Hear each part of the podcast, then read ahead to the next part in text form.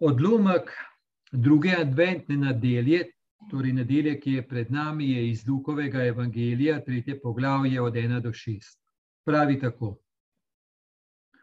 V 15. letu vladanja cesarja Tiberija, ko je bil Ponci Pilat upravitelj Judeje in Herod, četrtni oblastnik Galileje, njegov brat Filipa, četrtni oblastnik Itureje in Trahonitide, ter Lizanija, četrtni oblastnik Abilene, in ko sta bila velika duhovnika Hanna in Kajfa. Je v puščavi prišla božja beseda Janezu, Zaharijevemu sinu. Prehodil jo je vso jordansko pokrajino in oznanjal krst spreobrnenja v odpuščanje grehov, kakor je pisano v knjigi govorov preroka Izaija glas upijočega v puščavi. Pripravite gospodovo pot, zravnajte njegove steze. Vsaka dolina naj se napolni in vsaka gora in hrib naj se zniža. Kar je krivo, naj bo ravno in razkopana pota naj bodo gladka. In vse človeštvo bo videlo božje odrešenje.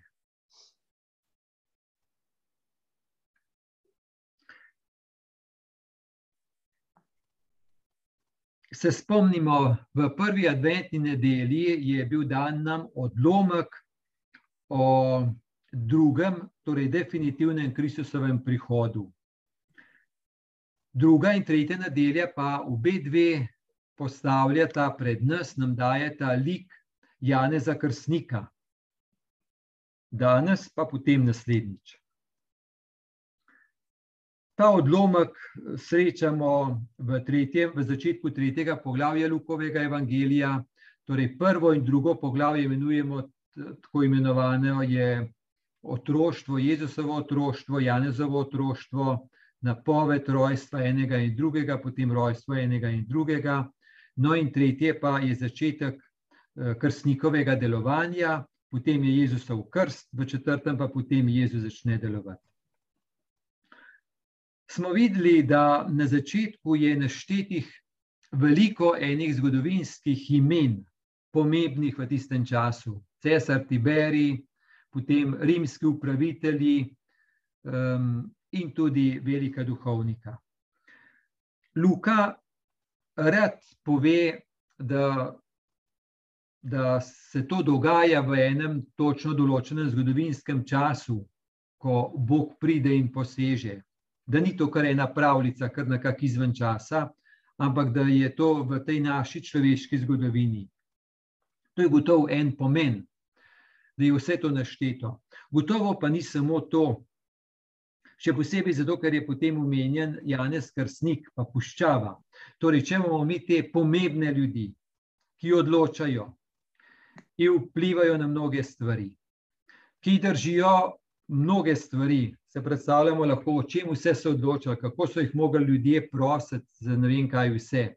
Torej, oni, ki so res držali ogromno v rokah, ogromno je bilo njihova moč, odgovornost, um, pomembni, prav gotovo, in so bili v pomembnih mestih, palačah, prav močno je to prikazano. Torej, na eni strani njihova pomembnost. V zgodovinskih knjigah so napisani, um, njihov pomen odločanja, in tako naprej, mesta, palače, vsi so vedeli za nje. No, potem pa naprej bo, re, bo rečena ta beseda. Torej, ko so oni tam vladali in bili pomembni, in tako naprej, je v puščavi prišla božja beseda Janezu, Zaharijevemu sinu. Lahko bi bilo tudi prevedeno, da se je zgodila božja beseda torej krstnik, ki da prostor Božji besedi. Kaj to pomeni? Torej, imamo tiste pomembne tam v puščavi, ki je bila res tam nekje odmaknjena in en tako kot Janez Krstnik. Torej, po njem pa Bog nekaj pomembnega dela. Torej, Bog, Božja beseda je prišla temu Janezu. To se pravi, je imel on eno toliko odprto srce, da je Bog našel eno odprto srce in je lahko tam stopil in nekaj odrešenskega naredil.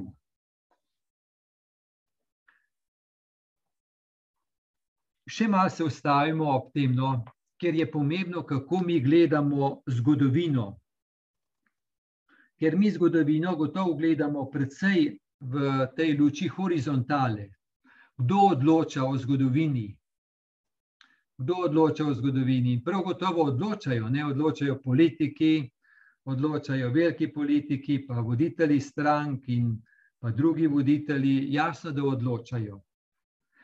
Um, kako bo šla horizontalna, prav gotovo marsičem odločajo, kako bo šlo. Drugo vprašanje pa je, ali je to edino, kar se dogaja v zgodovini.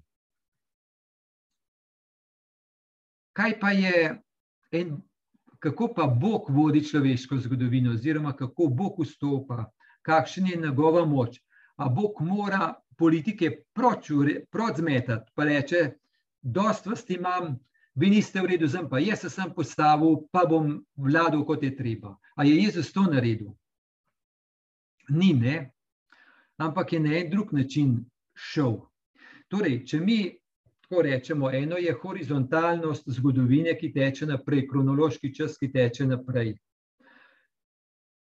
Je pa še poleg tega, je pa še Bog, ki vstopa v to zgodovino v to človeško zgodovino, torej lahko rečemo vertikala, ki vstopa v horizontalo in kako Bog vpliva na človeško zgodovino ali pa kako jo spreminja. Torej, ne v tem smislu kot enega boljšega politika, kot so politiki, ampak na ta način Bog vstopa v človeško zgodovino, da jo ljubi. In na ta način, da Bog človeško zgodovino vodi v odrešenje, na ta način, da Bog vodi človekovo, človeško zgodovino v očetovo hišo. Zato gre.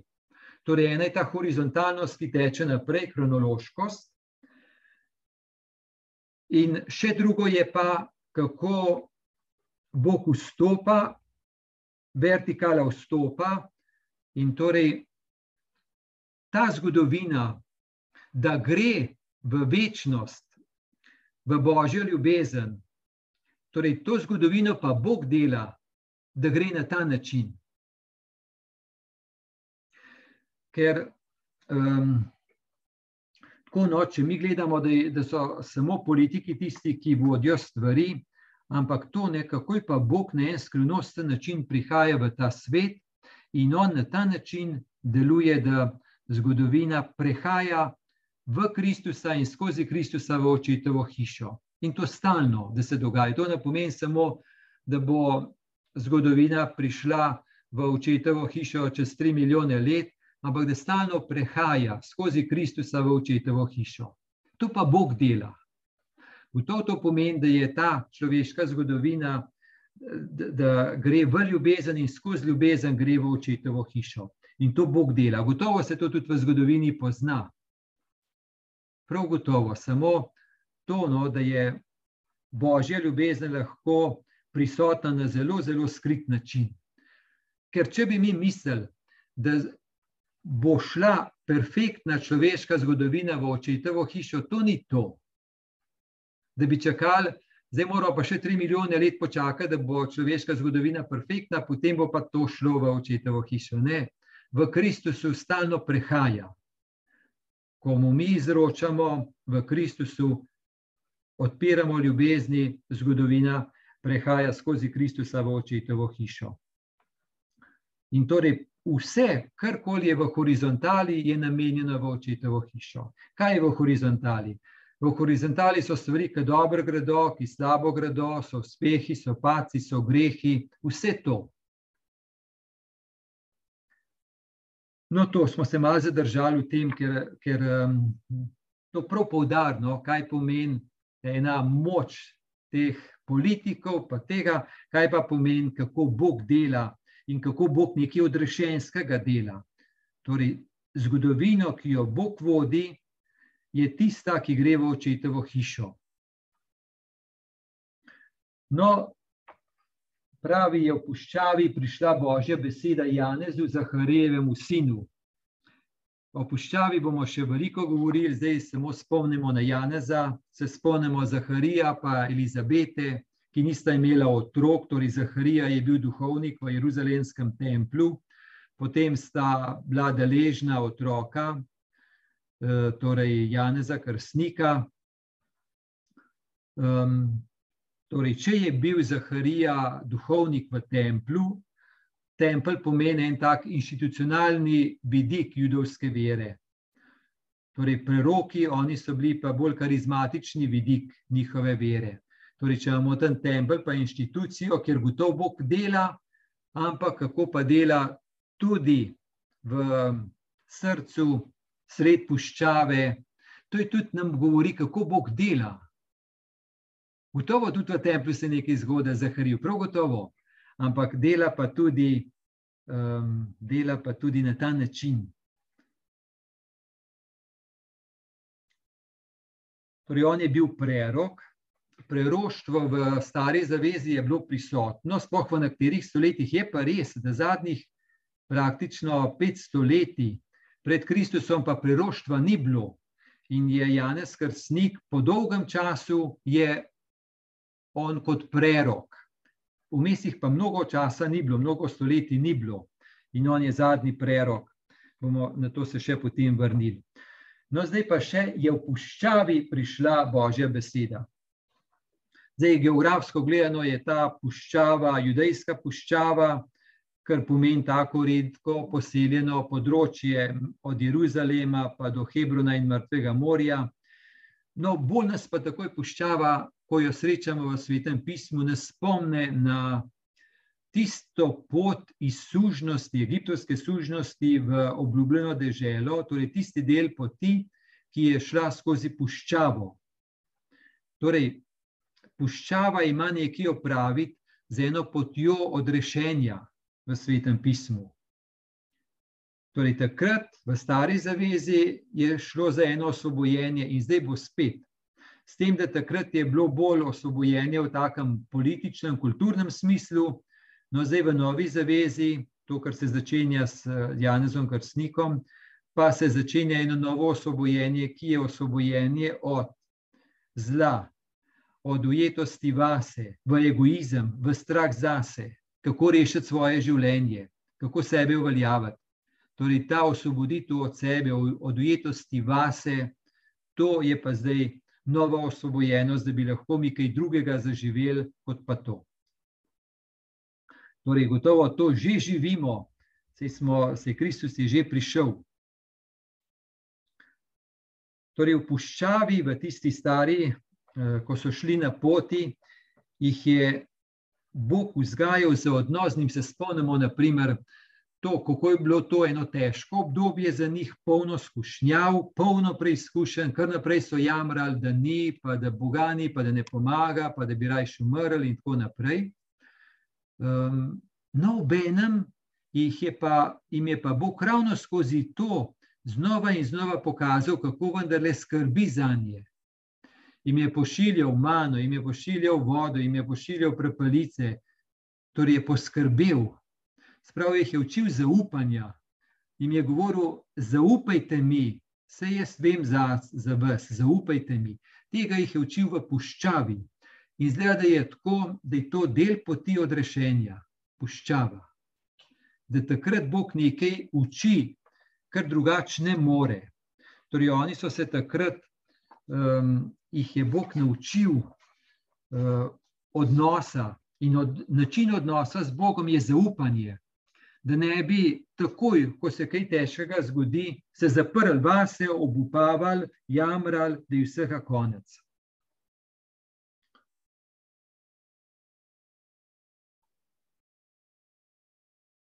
No, torej, hm, Hrstniku so potem prihajali mnogi ljudje. To je res zanimivo. Ne? Ljudje so bili nagneteni v mestih, pa v vseh, ampak Hrstniku so pa vseeno prihajali. Očitno je imel res eno močno besedo za njih. Res eno, rekel je bil v puščavi, ampak je imel eno poživljajočo besedo. Tako lahko rečemo, da so ljudje prepoznavali v svojih srcih puščavo, in so zato prihajali k krstniku v puščavi, ker je imel kakšno besedo v puščavi za njihovo puščavo. Puščava je kar precej v središču tega odlomka. Bomo še marsikaj o tem govorili. En pater vrtovec, jezuit, on je red kakšne take kratke stavke, lepe govoril, pa par takih, ki so vezani na puščavo, pravi, menih si voli za svoj svet puščavo, da svet ne postane puščava. Kakor Izraelce v puščavi, me hraniš s kruhom, ki ga zemlja ne pozna. Če si v srcu ti, so svetle tudi temne noči.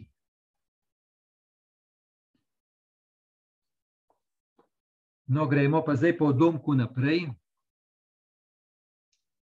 Oziroma, še en stavek um, od papeža Frančiška, nedavno je tole rekel, kjer omenja tudi to puščavo, da ne bi podlegli skušnjavi, da ne bi pozabili, kdo smo in kam gremo, je bistvenega pomena, da se nenehno spominjamo, tako kot je storilo Božje ljudstvo v puščavi. Torej, da se spominjamo, kje je naš izvor, da poznamo srce matere, ki nas je nekoč rodila, pri tem misli na crkv. Tako, torej, puščava je res en tak um, kraj, kjer je puščava, v enem pa je to en kraj, kamor prihaja Božja beseda in kjer se lahko nekaj dogodi. Kaj? Gremo naprej prebrati. Prehodil je, je vso jordansko pokrajino in oznanjal krst preobrnenja v odpuščanje grehov, kakor je pisano v knjigi govorov preroka Izaija. Glas upijočega v puščavi, pripravite gospodovo pot, zravnajte njegove steze, vsaka dolina naj se napolni in vsaka gora in hrib naj se zniža, kar je krivo naj bo ravno in razkopana pota naj bodo gladka in vse človeštvo bo videle, videlo božje odrešenje.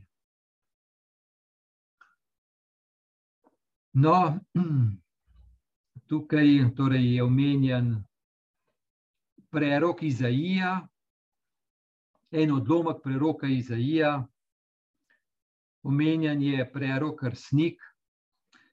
No, nekaj o preroku Krsniku še. Torej, Krsnik je za nas zadnji prerok stare zaveze. Um, v tem smislu on povzema kar je najbolj dragoceno stare zaveze in to je odprtost odrešeniku, pričakovanje odrešenika, torej eno zaupanje, da bo Bog nekaj storil, da bo Bog prišel, da bo Bog nekaj naredil.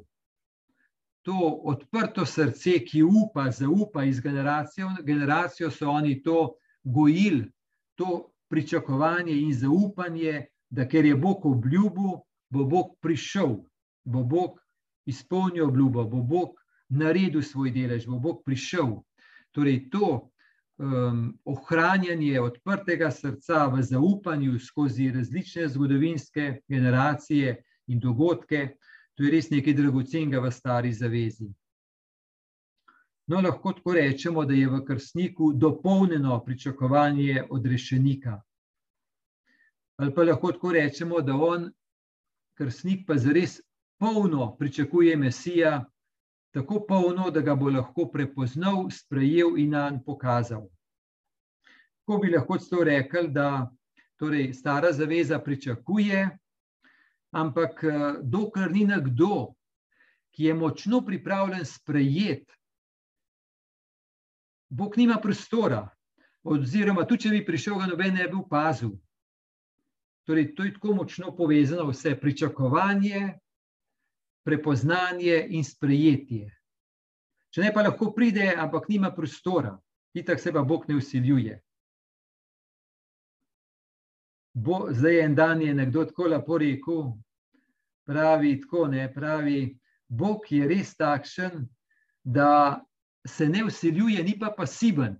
Se ne usiljuje, ni pa pasiven. Takšen je Bog do človeka in do človeške zgodovine. Torej, Bog želi priti, ampak dokler ni eno srce, ki je pripravljeno, ki upa, pričakuje, ja, Bog nima prostora.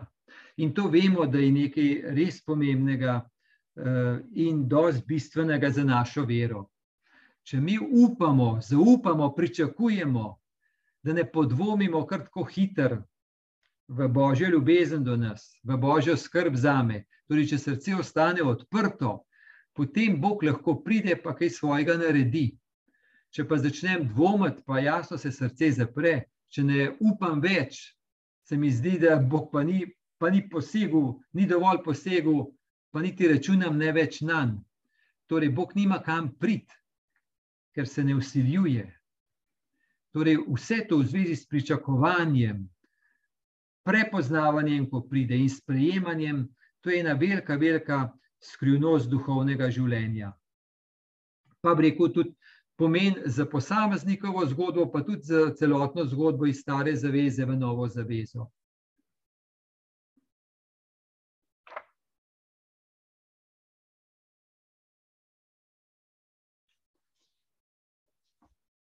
pravi, da je oznanjal krst spreobrnenja v odpuščanje grehov. No, se malo ustavimo ob tem, to kar kompliciran zveda. Oznanjal krst spreobrnenja v odpuščanje grehov.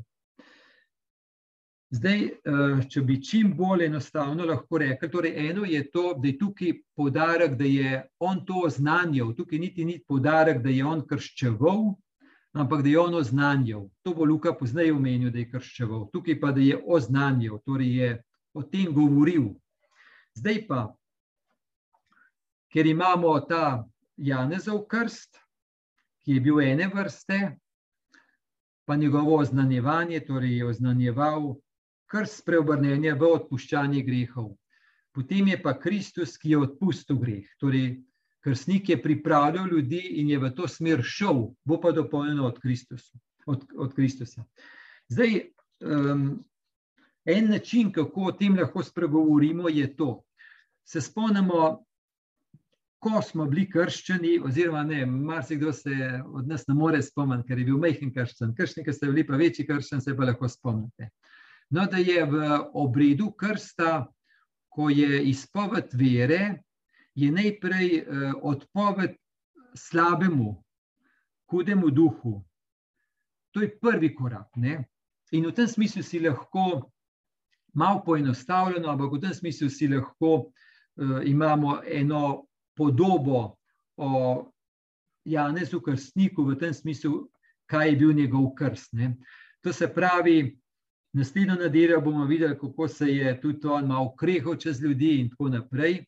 Torej, en prvi korak je, da je bil nekdo, nekdo ki jim je povedal, ljudje božji, a veste, da ga lomite, nehajte že s tem. Čas je, da nehate s tem. Pomen ta Janozova inštanca oziroma vloga je to, da je ljudem pokazal, da ga lomijo in da jim je pomagal, da bi ga nehali lomiti, da bi nekaj starega, napačnega pustili zadaj in da bi se odprli božjemu življenju, katerega bo prinesel Kristus. Torej, ne slabo nehajo, ker človek je okupiran, ne? to se pravi, človek ima en prostor v življenju ali pa v srcu in zdaj je noter slabo, pa vendarle je na človeku, da reče ne slabemu in da se odpre božjemu. Prav zato, ker se Bog ne usiljuje, nekaj na človeku, da reče ne, da bo lahko rekel en ja. No, in ta Janezov delaš priprave, je močno v to smer, no, v ta prvi del, da slabo reče ne, ker je kaj božjega mi namenjeno in to bo Kristus prinesel. Mečkaj več o tem bomo še naslednjo nedeljo. Torej, um, odlomek naslednje nedelje, ki bo o Janezu Krstniku. No, zdaj tukaj je pa potem precej dolgo citiran Izaija. Izaija, ki, je, ki ga Janez Krstnik citira, um, to citira iz tega odlomka, torej Izaija 40. To lažite, to lažite, moje ljudstvo, govori vaš Bog. Govorite, hčeri Jeruzalemski na srce in jih kličite, da je njena tlaka dokončana, da je njena krivda poravnana, ker je prejela iz gospodove roke dvojno kazen za svoje grehe. Glas kliče: Upuščavi, pripravite pot gospodu, zravnajte v pustini cesto našemu Bogu vsaka dolina naj se vzdigne in vsak hrib in grič naj se poniža, kar je vijugasto naj bo ravno in grebeni naj bodo ravnina. Razodelo se bo gospodove veličastvo in videlo ga bo hkrati vse meso, kaj ti gospodova usta so govorila. To se prav to tukaj citira. Zdaj, kdaj je Izaija govoril te besede? Tu je Deutero Izaija oziroma drugi Izaija, ki je za zgodovinskim Izaijem dve, stoletji poznaj. To, kar Izaija, Deutero Izaija, drugi Izaija tukaj govori, govori ljudstvu v babilonski služnosti. Torej, kaj jim reče, kaj jim on reče? Vi ste zdaj v služnosti, vi ste zdaj res v tem smislu ujeti. Vi ne morete premagati Babilonce, nikakor jih ne morete. Ampak zaupajte, vi ste še vedno v božjem srcu. Bog še vedno skrbi za vas, Bog še vedno ve za vas. Ne obupati, ne obupati. Vi vidite zdaj samo strašansko moč Babiloncev in da vi niste nič v primerjavi z njimi. Ampak ne tako gledati, vi zaupajte v Boga, da Bog je z vami, bo kaj naredil. Uh, vi se že kar pripravljajte, da, bo, da boste šli v Jeruzalem. To se pravi, če vi zdaj vidite, da je do domovine, so hribi, doline in ne vem kaj, vse v jugasto in tako naprej, vi, kar, vi si že kar predstavljate, da je pot od tja narejena, pot že odprta.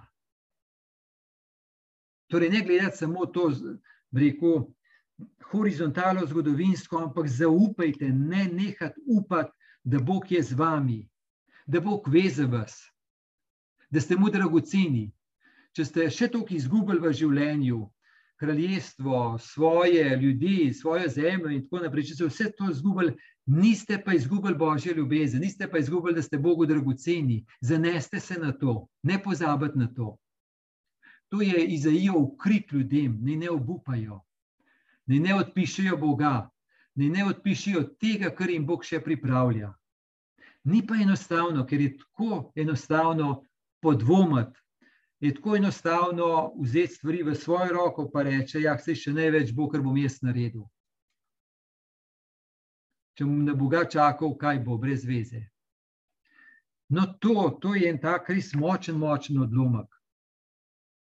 Torej, krstnik tukaj citira Izaija, ko nastopi in je zanimivo, beremo ravno v Lukovem evangeliju, v četrtem poglavju, ko pa Jezus začne delovati pa tudi Izaija citira, ne ta odlomek, ampak citira iz 61. poglavja in tam pa Jezus reče, ko prebere, danes se je to spolnilo.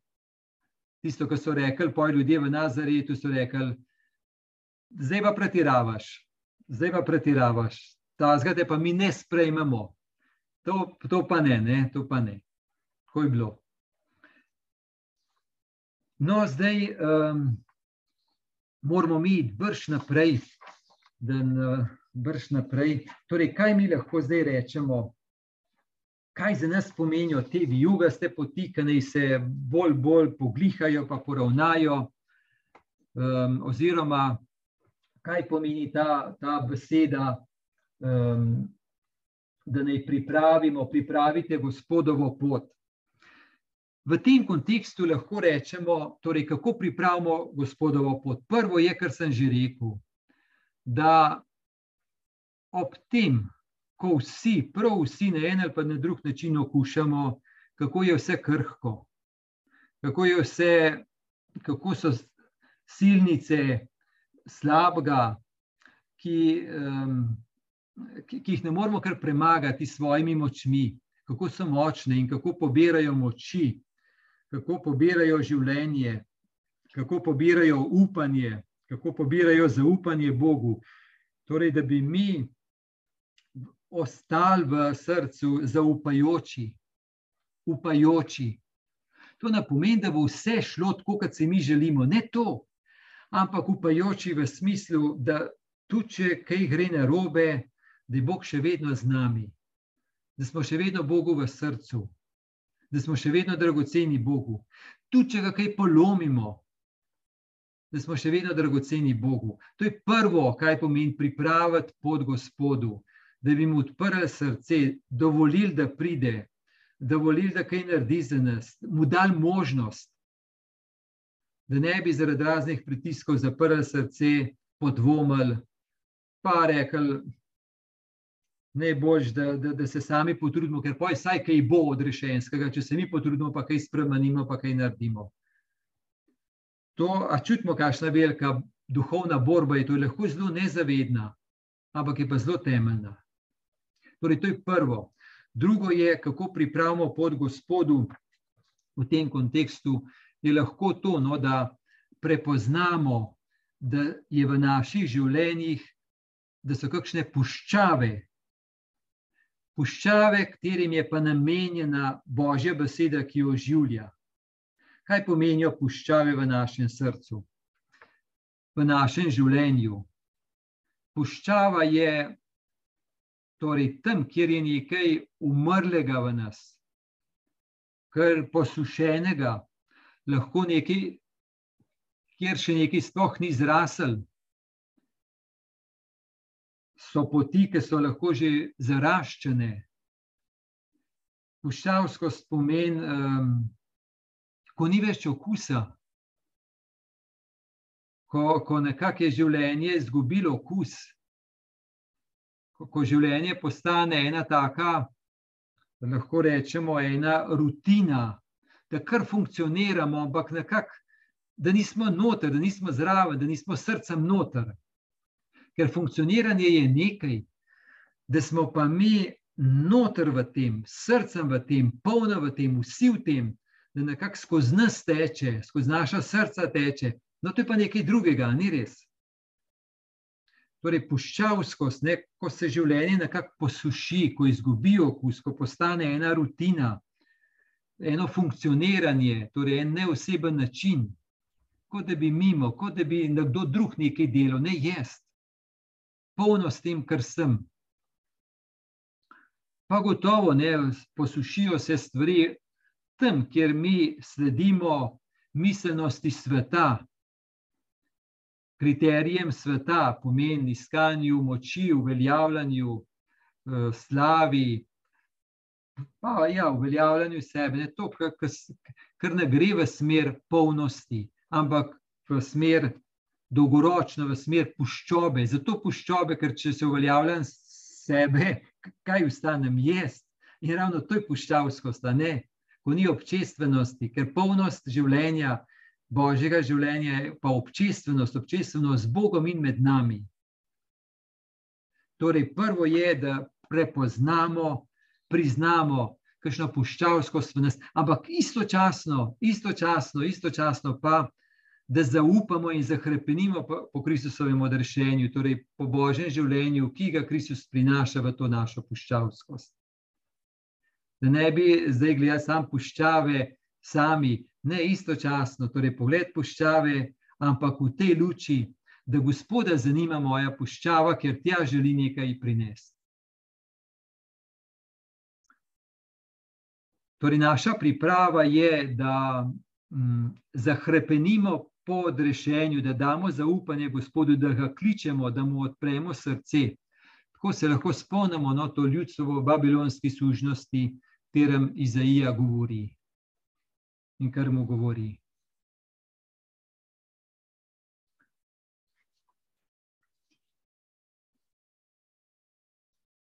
Taka najbolj globinska um, puščava, papež Frančišek, takrat, ko je o tem govoril, pravi tako: Vemo, da ni večje revščine, kot ne imeti Boga, oziroma živeti brez vere, ki daje smisel življenju, brez upanja, ki bi nam dalo moč za delo, ne da bi čutili, da nas ljubi nekdo, ki ne razočara. Torej, puščal skozi vse to, no, kjer, kjer ni občestvenosti z Bogom, z božjo ljubeznijo, in občestvenosti z nami, med nami. Ker vse to nam je namenjeno v moči svetega duha. Torej, korenina lahko rečemo, puščavskosti je nevera v božjo ljubezen, nevera, da je Bog dober in blizu, nevera, da je meni in nam namenjena božja ljubezen, da nam je namenjeno božje življenje. To je največja puščavskost. da bi rekli, da ja, vse to, kar je zdaj ta puščavskost, ki jo živimo, malo se kregamo, malo se to, malo to, malo to, malo to, to je vse. Znova in znova odpreti srce, nikoli piko narediti, nikoli reči, to, kar je, je, jaz vem, kako je in konec. To, jaz ne vem, kako vi doživljate to, ampak za me je to znova pa znova eno tako, ena res zelo globinska duhovna borba. Držati srce odprto. Obenem pa, da nas skušnjava spet na dobine drugo, enega romantiziranja, pa idealiziranja, češ noč, če te ima bokrat poj, pa pojni pa razreš to, pa to, pa to, pa to, pa to. To je pa spet nekaj drugega, ne? to smo pa spet projiciramo iz nas ven. Kaj pa pomeni nekako dovoliti, hrepeneti po božji ljubezni, pa pa že božja ljubezen naredila, kar želi narediti in kar prav da naredi, da nas vodi v očetovo hišo. Bog je pa naših predstav, porojenih iz naših travem, manjkov, stisk in vsega tega jasno, to pričakovanje Mesija, to je bilo pa tudi podobe Mesija skozi staro zavezo, jih je bilo pa tudi ogromno, ogromno, ogromno. No, tako zadnji stavek in vse človeštvo bo videlo božje odrešenje. To ne pomeni samo ljudje, pa še drugi. Ampak tudi izdelek, ki je bogi, ki je grešen in tako naprej, vsem je namenjeno to božje odrešenje. Torej, podarek tega odlomka in te nedelje je, da um, pripravljamo pod Gospodu, da mu zaupamo in da mu zaupamo v naši puščavskosti, kjer je morda najbolj težko nam zaupati, pa smo ravno v to povabljeni.